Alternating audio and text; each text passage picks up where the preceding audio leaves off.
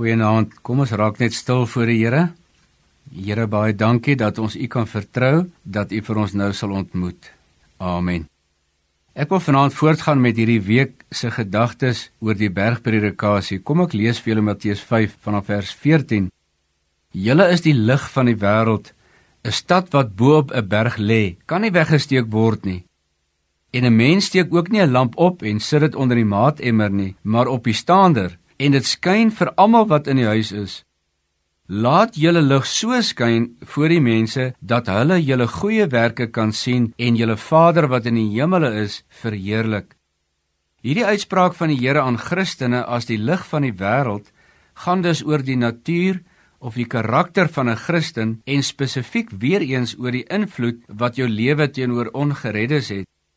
Wat egter baie belangrik is om te besef, is dit die woorde van die Here in Johannes 8 vers 12 waar die Here sê dat ek is die lig van die wêreld.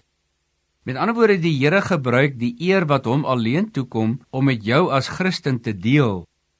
Soos hy dus die lig is, so is jy ook 'n onverdiende voorreg om met hom geassosieer te mag word. Om 'n lig van hierdie wêreld te wees beteken dat jy die verlossingswerk van God uitstraal, dat jy en jou lewe van sy reddende genade getuig.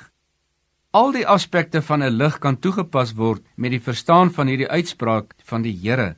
Die feit dat 'n lig duisternis oorheers, is 'n bewys van die belangrike rede van ons bestaan as Christene.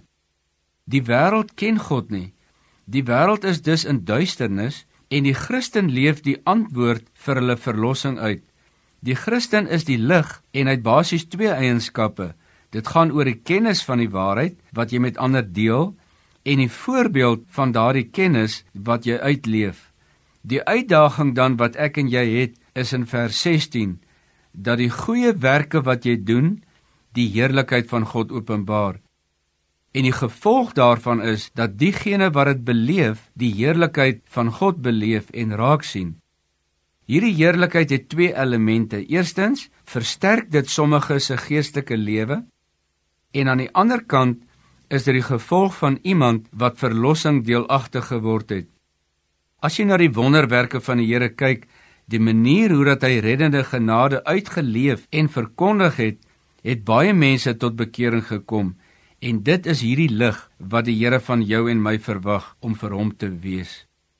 Dankie Here dat ons die voorreg het om 'n lig van U te wees en dat ons dit waardig sal wees tot eer van U naam. Amen.